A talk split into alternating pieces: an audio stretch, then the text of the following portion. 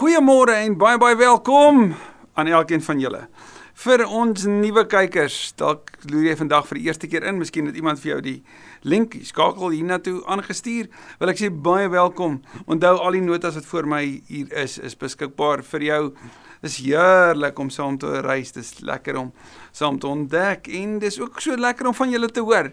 Veral vir die wat vir my baie interessante boodskappe stuur van hoorie dis wat ons mee besig is of ek en my groep is nou hier en en en dis my ook goed om te hoor mense sê kan ek asseblief die vorige notas kry ook. So al die vorige studiestukke wat deel is van die Kerk sonder mure kanaal, al daai Bybelstudie se se notas kan ek vir jou stuur van Lukas af deur Prediker en natuurlik deur Efesiërs en nou met Filippense. Alles is beskikbaar en ek stuur dit graag aan. Stuur net my 'n boodskap. Wat doen Filippense op hierdie oomblik met jou? Wat doen hierdie reis met jou wandel met die Here? Met jou in jou Bybelstudie, in jou stilte tyd, in jou uitleef daarvan. Want onthou God se woord, soos die Engelse sou sê, is not for our information but for our transformation. So hoe meer ons dit ontdek en hoe meer ons dit bespreek en hoe dieper ons wandel, kan dit tog nie net by kopkennis bly nie en ek hoop so dat vir jou net soos vir my dit regtig lei tot 'n dieper wandel met die Here en tot dieper verbintenis. In hierdie Oktober tyd het ons mekaar herinner ek's in. Ek's volledig in. En watter beter manier is dit nie as verlede week se lied nie, nê? Wil kan jy onthou verlede week het Paulus begin deur vir die gelowiges aan te moedig op dit wat hulle alles ontvang het. Hy het vir hulle gesê onthou julle troos ontvang. Julle het die innige meelewing ontvang. Julle het gemeenskap ontvang. Julle het die aansporing van Christus ontvang. Innige meegevoel ontvang. Daarom leef nou eensgesind met mekaar. En daai woord gesindheid het hy verder gevat deur ons te wys op op die reis van Christus. Die reis van selfverloning, van leegmaak. Die reis van mens word, slaaf word, gekruisig word en toe dit was die werk van mense. Aan die ander kant, die werk van God het God hom opgehef en hom 'n naam gegee wat bo elke naam is. Sodat in die naam van Jesus elke knie sal buig en elke tong sal bely, hy is die Here. Hy is Jahwe. Dis vir Jesus is. Dis hierdie Here wat Paulus sal sê hy die voorreg het om te kan volg hierdie Here wat die bestaansrede van sy lewe is. Daarom sê in Galasiërs 2 sê, ek is gekruisig. Dis nie meer ek wat lewe nie, maar Christus wat in my lewe. Dis ook hierdie Here wat jou en my vandag ook nader wil trek en ons meer wil uitdaag om te leef soos wat hy dit ook van ons vra en gaan wys vandag. Kom ons bid. Dankie Here Jesus vir u woord. Dankie dat ons die voorreg het om regtig diep na te dink oor u woord. Dankie vir hierdie vreeslike mooi diep persoonlike brief tussen Paulus en die geliefdes in Filippi. Maar dankie dat dit ook u woord aan ons is vandag. Ja, dit is 'n wonderlike voorreg om te kan dink aan die konteks en wat dit in daai tyd sou beteken. Maar Here, mag ons nooit vergeet dat ons die bruggie bou na vandag toe nie. Dat ons die vraag vra, maar wat sê dit vir my nou? Wat sê dit vir my oor my lewe en wat ek moet doen? Asseblief kom hou ons vas en kom lei ons, leer ons. Ons bid dit in naam van Jesus die Here. Amen. Die opskrif van Filippense 2, die tweede gedeelte is die ligdraers in die wêreld. Dis 'n mooi woord daai in die wêreld, né? Nee? Dis iets van 'n lig wat vanaf 'n ander bron kom wat na die wêreld toe moet kom. Jy gaan dit ook sien Sondag wanneer ons by ons dankie sê diens vra maar As die lig val, is dit nie so toevallig nie. Nee. So. My geliefdes, mooi woord daai my, iets van Paulus se hart, sy omgee, sy deelneem, sy absolute diepe deernis vir hierdie gelowiges. My geliefdes, julle was altyd gehoorsaam wanneer ek by julle was. Des te meer moet julle gehoorsaam wees nou dat ek nie daar is nie. Julle moet julle met eerbied en ontzag daarop toelê om as verloste mense te leef kinders gaan bietjie bos as die ouers nie daar is nie. Nie waar nie? Ek woon in 'n ouerhuis. As kinders nie teen ag as die ouers nie teenwoordig is nie, dan is die kinders mos nou baas. Dan is die reëls andersom, dan kan hulle maak wat hulle wil, eet wat hulle wil, slaap soos hulle wil ensovoorts. Paulus sê toe ek tussen julle was en en hy gebruik nogal die taal van 'n 'n pa teenoor sy kinders. Het julle was julle altyd gehoorsaam, maar nie gehoorsaam aan my nie, gehoorsaam aan die Here. Gehoorsaam aan sy woord, gehoorsaam aan wat hy gevra het. Ek bedoel as ek en jy in sekere gesprekke is of in 'n sekere gesprekskring is, dan let ons nogals meer op hoe ons praat, nie waar nie? Bedoel dit is nou maar net so. En in alle gev ander gevalle kan ons dalk dit meer laat gaan. Dis nogal interessant wanneer jy op my stoel sit hoe dit moet wees wanneer ek soms in gesprekke instap. Ek het so een vriend wat baie moedswillig altyd sal sê, "Tjoef, tjoef, tjoef, is jy dom nie?" Dis so nie reg nie. Maar my vraag sou wees, maar is dit nie ons altyd moet wees nie? Eg eerlik?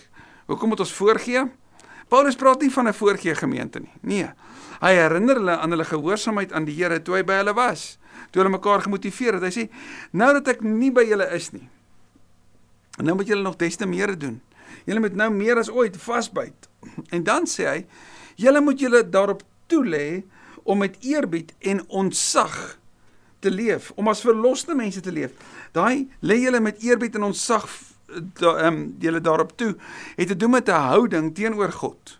'n Houding van eerbied aan die Here en ontzag vir hom.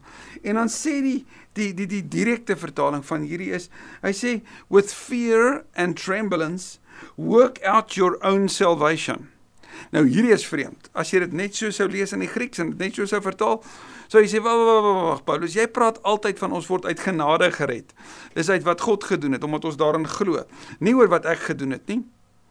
Maar as jy mooi lees en jy gaan die volgende vers die direkte konteks sien, dan sê Paulus nie jy moet iets doen om jou verlossing te beerwe of te verdien nie. Hy sê jy moet leef om jou verlossing sigbaar te maak. So as hy sou sê julle moet julle met eerbied en onsag daarop toelê, dan is dit die houding, die houding van Here aan u alle eer, nie Paulus nie, aan u al die eer, al die lof en en en eer. En help my daarom om hierdie verlossing wat ek gekry het om dit te leef. Anders gestel. As 'n huwelikspaartjie vir mekaar woorde beloof. Hy vir haar, sy vir hom, dan word hulle man en vrou gaan hulle nou direk dadelik so optree. Nee, het hulle hele lewe om te word wat hulle reeds is. Hulle gaan al hoe meer mekaar se man en vrou word. Wat bedoel jy as jy dit sê, Colin? Wel, dit. Die man gaan al hoe meer besef dat sy vrou se belange sy belange word. Die vrou gaan al hoe meer besef dat sy 'n ander tipe taal praat. Ander dinge gaan vir haar belangrik word wanneer sy inkopies gaan doen. Sy gaan aan hom dink. Wanneer hulle dink oor wat hulle die naweek gaan doen, gaan dit nie van self wees oor wat ek voorlus is nie, maar wat van my maat? Wat hou ons van? sien haar belange word sy belange. Sy belange word haar belange. Hulle word al hoe meer wat hulle is. Wat sê Paulus? Julle moet as verloste mense lewe. Julle is verlos en julle moet julle met eerbied en ontzag daarop toelê om te word wat julle reeds is gaan hulle dit uit hulle eie krag uit kan doen? Nee, kyk die volgende vers. Want hier is die bron, dit is God wat julle gewillig en bekwam maak om sy wil te doen. Die woord gewillig in die Grieks is sterker as net om die wil te hê. Dis die woord waar die die Engelse woord desire vandaan kom. Dis God wat vir julle die passie gee, die lus gee. Né? Nee? Dis God wat julle gewillig en bekwam, die woord bekwam beteken om die vermoë te hê. So hy gee dit vir julle. So nie net gaan hy vir jou die drang gee nie. Hy gaan ook vir jou die moontlikhede gee om sy wil uit te voer. So op ander woorde Paulus gesê is nie onmoontlik nie. In Johannes se brief sê dit ook. Doen alles sonder kla of teepraat. Kom ons maak dit lekker prakties. Braai sonder kla of teepraat. Doen jou huiswerk sonder kla of teepraat. Sit in die verkeer sonder kla of teepraat. Gesels met jou kinders, met jou man, met jou werkgewer, jou werknemer, met iemand waarvan jy verskil sonder kla of teepraat. Gaan Sondag kerk toe sonder kla of teepraat. Wees kerk in die week sonder kla of teepraat. Kyk na die nuus sonder kla of teepraat. Ja, Paulus. Hoe doen 'n mens dit. En dan sê Paulus sê maar hoe het hierdie gemeente ontstaan? Onthou julle nie Handelinge 16? Ek en Silas, toe ons gegaan het na die Joodse bidplek toe, toe ons daarna gegaan het na na die die purper verkoopster se huis toe. Toe ons die evangelie daar gedeel het aan haar huismense, aan Lydia en haar mense, of toe ons later in die tronk gesit het met oopgekloofde rug en die Here geloof het in die hare geskit het in die tronkbewaarder en sy gesin uiteindelik die tweede gesinslede van die gemeente sou word nie. Wat het wat het ons gedoen? Met blydskap die evangelie gedeel. Paulus sê, doen alles sonder klaaf, teepraat en hy sê ons sê volg my voorbeeld. En onthou hy skryf dit uit die tronk uit. Sorg dat jy bo alle verdenking staan en opreg bly. Dis teenoor mekaar en teenoor die ongelowiges. Onberispelik. Die Griek sê blaamloos. Onberispelike kinders van God te midde van ontaarde en korrupte mense. Paulus sê: Julle moet dit wie julle is uitleef julle houding sonder om te kla of te te praat. Moenie daaroor murmureer nie. Moenie as dit vir jou moeilik is daaroor kla nie. Gaan kyk maar wat Petrus daaroor skryf in sy brief. Selfe ingesteldheid. Doen dit met volle toewyding vir die Here. Soos in Efesiërs, doen dit asof vir die Here, nie nie vir mense nie. So julle doen dit so en dan leef julle ook anders. Julle leef onberispelik. Julle leef sonder blaam te midde van 'n wêreld wat glad nie so lyk nie. Hoekom? Want julle is ligdraers in hierdie wêreld. Tree onder hulle op as ligdraers in die wêreld. Weet jy wat sê die Grieks? Skyn onder hulle soos die sterre van die kosmos. Skyn onder die mense soos die sterre van die kosmos. Maak die nag vir hulle lig. Maak 'n lewe wat donker is vir hulle lig, omdat jy skyn soos die sterre van die kosmos. En dan 'n baie interessante invoeging. Of nie invoeging nie, volgende deel van hierdie brief. Sommige sou reken wanneer Paulus hierdie skryf, is dit dalk die afsluiting van 'n eerste brief en dat die volgende daarna dalk 'n tweede brief sou wees en dat een of ander redakteur later die twee bymekaar sou sit. Maar jy gaan mooi sien dat dit 'n baie sinvolle plek is om hierdie neer te sit. Want as jy na die Kolossense brief sou kyk, sal Paulus sy reisreëlings aan die einde plaas. Hy sal sê ek hoop dat dit volgende sal gebeur. Hier noem hy reisreëlings reg in die middel van die brief. Hoekom? Want wat het Paulus nou net gesê? Paulus het vir hulle gesê: "Onthou mooi, julle is kinders van die Here. Julle moet julle bes doen om soos wat julle gehoorsaam was toe ek by julle was, nou nog meer gehoorsaam te wees. Julle moet dit wie julle is, naamlik om verlos te wees, moet julle uitleef." Julle moet dit leef met 'n houding teenoor God en 'n lewe teenoor mekaar. Alles wat julle doen, moet julle sonder klaaf teepraat doen. Julle moet nuut leef te midde van 'n wêreld wat anders is. Nou sal Paulus sonder om dit so pertinent te noem, gaan hy hierdie wat hy van hulle vra, vir hulle wys hoe hy dit doen. En nie net hy nie, hy en twee van sy medegelowiges daar in Rome. Ek hoop En en die en jy moet mooi hierdie vergelyk met Jakobus 4. Wanneer Jakobus 4 praat oor gelowiges wat wat sê maar maar dan gaan ons dit en dan gaan ons dat en dan gaan ons sis en dan gaan ons so. Dan sê Jakobus nee nee nee, jy moet sê as die Here wil. En dit is my so mooi om te leer by die antieke kerkleiers, die eerste kerkleiers dat hulle dit met mekaar sou bespreek. Dat wanneer ons praat dan sê ons as die Here wil. Die ou bekende DV Dio violente as God wil. Ek hoop om as die Here wil Timoteus gou na julle toe te stuur sodat ek ook rus in my gemoed kan hê as ek hoor hoe dit met julle gaan. Kan jy hoor dat Paulus onseker is? Hy sê ek hoop om hom gou na julle toe te stuur. So die meeste kommentare reken op hierdie oomblik is Paulus waarskynlik verhoor afwagtend. Hy weet nie wat met hom gaan gebeur nie. En jy gaan nou sien Timoteus is vir hom 'n ontsettende kosbare skat deur die Here vir hom gegee om hom te versterk in hierdie tyd van onsekerheid. Wel hy's besig om te skryf vir die gemeentes. Hy's besig om te bid. Hy's besig om die woord te deel vir almal daar in Rome wat bereid is om te luister en vir hom te kom kuier aan huis. Hy ondersteun die gelowiges wat vir hom kom kuier wat gestuur is deur die ander gemeentes en hy stuur hulle so terug. En nou wil hy Timoteus vir hulle stuur. Maar sê ek hoop om dit so vinnig as moontlik doen as die Here wil. Ek wil net eers hoor hoe my sake staan. Hy sê ek wil hom hulle hom na julle toe stuur want hy wil hoor hoe dit met hulle gaan sodat sy gemoed ook kan kalm wees. sien jy hoe diep gee Paulus om in Rome in die tronk? Gaan dit nie oor hom nie. Gaan oor hulle. Paulus help om ons daar ook te neem na 'n plek toe van moenie net aan jouself dink nie. Toe ons 'n paar weke terug oor nederigheid gepraat het, het ons mekaar dit gesê. Nederigheid is nie om minder van jouself te dink nie, dis om minder aan jouself te dink. En dis wat Paulus doen. Hy's steeds besig om ander eerste te stel. Hy's steeds besig om werklik om te gee en hy's besig om te wys hoe lyk hierdie gesindheid waarvan hy praat. As hy sê dieselfde gesindheid moet in ons wees as in Christus wat nie oor hom gefokus is nie of was nie, maar op ons. Net so moet ons dit ook doen. Doen alles sonder klaaf te praat doen alles sonder klaaf teepraat. Dan vers 15: Sorg dat julle bo alle verdenking staan en opreg bly, onberispelike kinders van God te midde van 'n ontaarde en korrupte mense. Tree onder hulle op as ligdraers van die wêreld. Paulus praat van 'n nuwe manier van leef te midde van 'n wêreld wat anders is.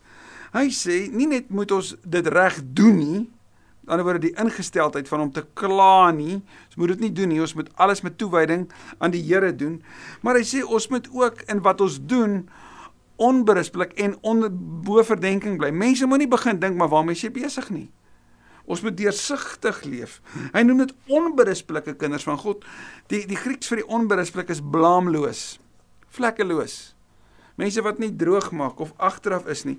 So te midde van 'n wêreld vol korrupsie, ek bedoel dis wat Paulus dit beskryf. 'n Wêreld van korrupsie en bedrog en magspeletjies. Moet gelowiges blaamloos wees. Moet ons bekend daarvoor wees dat jy ons kan vertrou. Want ons doen dit nie vir ons nie, ons doen dit vir die Here. En dan sê Paulus tree onder hulle op en wat is ons funksie? In die Afrikaans sê as ligdraers vir die wêreld. Weet julle wat sê die Grieks? Skyn onder hulle soos die sterre van die kosmos. Skyn onder hulle in die donker en die nag van hulle lewe soos die sterre wat oor die aarde skyn. En hoe doen 'n mens dit? Vers 16. Deur die woord van die lewe uit te dra. Jy skyn onder hulle deur die woord uit te leef, om uit te dra is nie net om te verkondig nie. Om die woord grond te laat tref. Hierdie woord sê Johannes 1 skyn lig in die duisternis nie. Die duisternis kan dit nie uitdoof nie.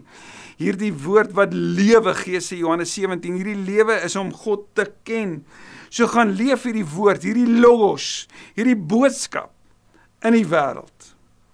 Dan sal ek op die dag van Christus se parousia, sy wederkoms, rede hê om trots te wees, omdat dit sal blyk dat ek my nie verniet ingespan het nie en nie verniet geswoeg het nie. Hierdie woord inspanning het te doen met 'n atleet en so goed te doen met 'n arbeider. So Paulus sê ek het dit gedoen as atleet. Ek het my ingespan om dit vir julle te deel. Ek het gewerk soos 'n arbeider en dan vat hy dit van 'n van 'n fisiese na 'n nog dieper 'n totale selfopoffering. 'n self weggee. Want kyk hoe mooi werk Paulus nou met met die woordspeling tussen tussen offer en dank vers 17 sê hy julle geloof ekskuus net net eers terug op die die vorige wanneer Paulus sê nie verniet geswoeg het nie sê sê die volgende we could summarize this section and this what CJ Mahoney sê by the following. Paul wants the church to be a proclaiming church not a complaining church. So hou op om te kla en te te praat. Verkondig die evangelie in alles wat jy doen Paulus sê en ek het geswoeg en ek het my ingespan. Maar kyk waantoe beweeg hy nou rondom offer en blydskap. Julle geloof sê vers 17 is 'n offer in diens van God. Selfs al word my bloed daarby as drankoffer uitgegiet. Is ek daaroor bly? Ja, as ek saam met julle bly. Julle geloof is 'n offer in diens van God. Hierdie offer wat julle geloof is, nê? Nee? Word my bloed, met ander woorde my lewe word as drankoffer bo oor julle offer gegee in diens van God. En Paulus sê en dit maak my bly. Waaroor is hy bly? Dat hulle geloof in die Here is. Hy's bly vir die voorreg wat hy kon deel al was dit dat hy fisies met sy lewe moet betaal dat hulle kon deel in die voorreg van die evangelie en die voorreg om God te ken. Hy sê ek is bly dat julle geloof 'n offer is aan God. Maar kyk mooi. Hy sê om dieselfde rede moet julle ook bly wees waaroor oor my lewe as offer in diens van God. So ek is bly dat julle geloof 'n offer is aan God. Wees julle bly dat my lewe, my bloed 'n offer is in diens van God. Hoe groot is hierdie liefde van Paulus nie? Dat hy vir hulle sal sê, julle geloof is 'n offer, maar my bloed, my lewe is 'n drankoffer bo-op dit. En daaroor moet julle saam met my bly wees. En dan draai Paulus na 'n uh, gesprek oor reisreëlings. En as jy na die Kolossense brief gaan kyk. Hi. As jy na die Kolossense brief gaan kyk, gaan ek en jy sien dat Paulus sy reisreëlings aan die einde van sy briewe plaas. Hoekom sal hy dit in die middel plaas? Sommige sou reken net die Filippense brief nie dalk uit twee dele bestaan nie wat 'n latere redakteur dalk bymekaar sou sit nie. Maar dit is nie so nie. Want sien, jy gaan sien dat alles wat Paulus tot op Here gesê het, naamlik om toegewy te wees, om die gesindheid van Christus te hê, om dit nie oor jou te maak nie, om alles te doen sonder kla of teepraat, om onberispelik en deursigtig te wees, kinders van God te wees om om jouself te gee as as iemand wat jouself inspann, 'n medewerker en ja ook 'n self fisiese offer te wees. Dit modelleer hy deur sy lewe. En nie net sy lewe nie, die voorbeeld van twee manne wat hy sal noem. Hy sê ek hoop om as die Here wil Timoteus gou na julle toe te stuur sodat ek ook rus in my gemoed kan hê as ek hoor hoe dit met julle gaan. Paulus sê ek hoop dat as die Here wil. Jakobus sê in hoofstuk 4 en dit is my so mooi dat die kerkleiers van daai tyd met mekaar gepraat het oor God se wil en dit gereeld genoem het. Jakobus sê jy moenie sê jy gaan dit doen en dit doen en dit doen nie. Jy's afhanklik van die Here. Daarom moet jy sê as die Here wil. Die latynse woord dio violente is DV. Dit kan ons help om mekaar gereeld te herinner aan DV. Want ons kan nie weet waar ons is oor 'n week nie. Maar ons kan sê as die Here wil, as die Here ons lei en hier praat Paulus van sy planne. En hy sê ek hoop om as die Here wil Timoteus vir julle te stuur. Maar hy weet nog nie wat gebeur nie. Hy hy weet nie wat voorlê nie en die kommentaare reken is omdat Paulus voor hoor afwagtend is. Hy weet nie wat binnekort met hom gaan gebeur nie. En Timoteus wat hierdie groot skat van God in sy lewe is, hierdie bate, hierdie hierdie broer in die geloof, hy noem hom eintlik 'n kind in die geloof. Aan die ander woorde as 'n pa teenoor sy kind en nou is sy kind by hom. Paulus sê ek wil hom graag vir julle stuur. Want ek wil weet hoe dit met julle gaan. Hy moet terugkom en vir my kom vertel. En kyk hoe mooi praat Paulus. En jy kan sien, nie, hy dink nie oor homself eerste nie. Hy dink nie oor wat vir hom nou belangrik is nie. Hy dink aan hulle. Hy dra hulle so op die hart dat hy selfs bereid is om Timoteus sy beste beste prys te gee, weg te stuur. Hy is eerder bereid om alleen te wees sonder Timoteus. Sodat hulle Timoteus se teenwoordigheid, die boodskap, die hoop ook kan beleef. Eerder dit as as wat hy met Timoteus sit en hulle weet nie hoe dit met hom gaan nie. So hy sê ek hoop om hom gou-gou na julle toe te stuur. Ek het trouens niemand met dieselfde gesindheid, as hy woord weer as hy en wat julle belange so opreg sal behartig nie. Timoteus is die beste wat ek het en ek is bereid om hom te stuur. Ek wil hom stuur. Al die ander, dis die ander daarom om is duidelik as jy vanuit Kolossense gaan kyk dat dat Lukas en en van die ander nie meer daar is by Paulus op daai oomblik nie. Hy's regtig alleen en Timoteus is by hom, maar die ander wat by hom is, hulle soek nie die Here se belang nie. Kyk mooi, hy sê al die ander soek nie hulle eie soek net hulle eie belange, nie die van Jesus Christus nie. So al die ander wat hier om my is, wil dit net makliker vir hulle self maak. Jesus se belang is om weg te gee. Dis die gesindheid van hoofstuk 2. Maar julle weet hoe betroubaar Timoteus is en dit is so mooi daai woord julle weet. So dit wat julle weet, dit bevestig ek en dit is hoe hierdie deursigtige geloofslewe moet lyk dat almal oral dieselfde oor my sal sê. Hulle beleef mense so. Soos 'n kind saam met sy vader, het hy saam met my die saak van die evangelie gedien. Paulus praat self as hy na Timoteus verwys en as hy oor hom skryf en as hy vir hom skryf dat Timoteus sy seun in die geloof is. En Paulus sê hier het gesien hoe hy saam met my gedien het, soos 'n seun saam met sy vader. In die wêreld van die Bybel was dit so. 'n Seun wat sy pa mee gedoen het en saam gedoen het en nagedoen het. Wat ook al die pa doen, het die seun geleer, nê? Nee? Ek hoop om hom dadelik te stuur sodra ek het hoe my sake verloop. Hier's daai woorde weer en ek vertrou dat as die Here wil ek self ook na julle toe sal kan kom. Paulus se groot begeerte en sy groot wens was op daai oomblik dat as sy hofsaak klaar is, hy vrygelaat sou kon word sodat hy die gemeentes kon besoek in besonder sy geliefde Filippi gemeente.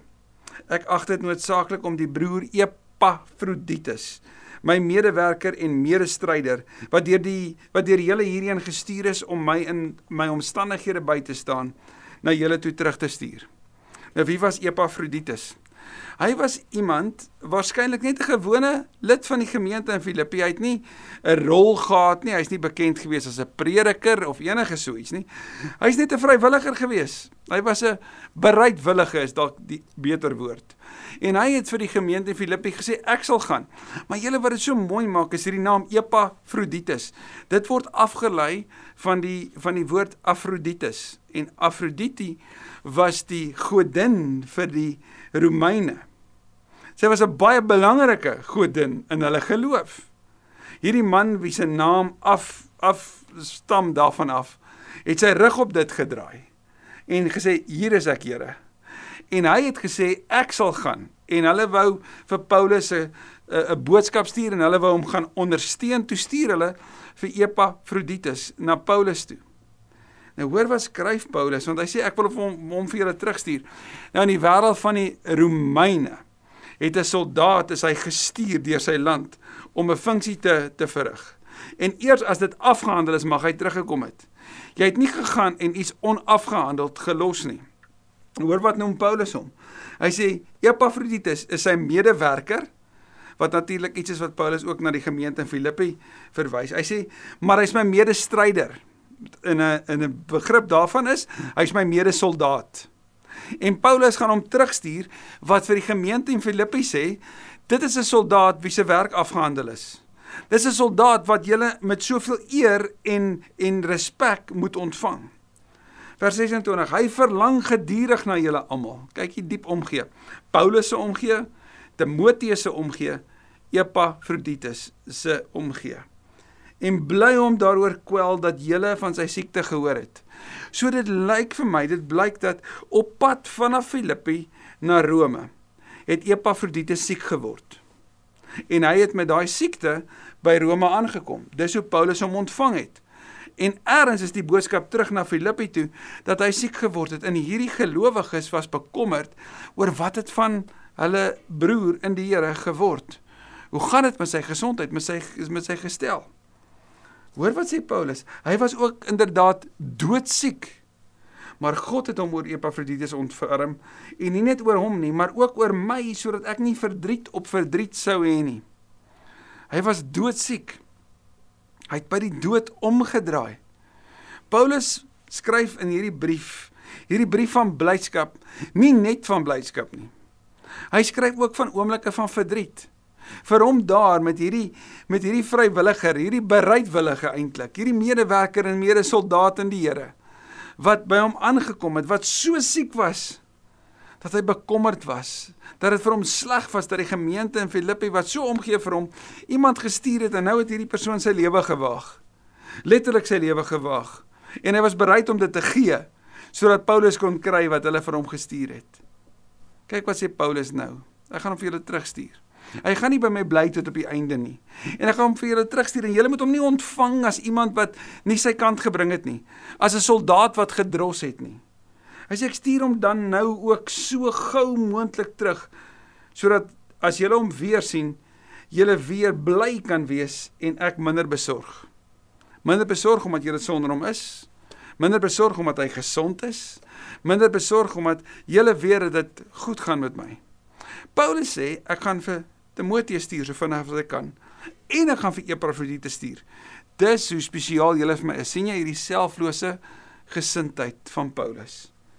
Ontvang hom met oop arms.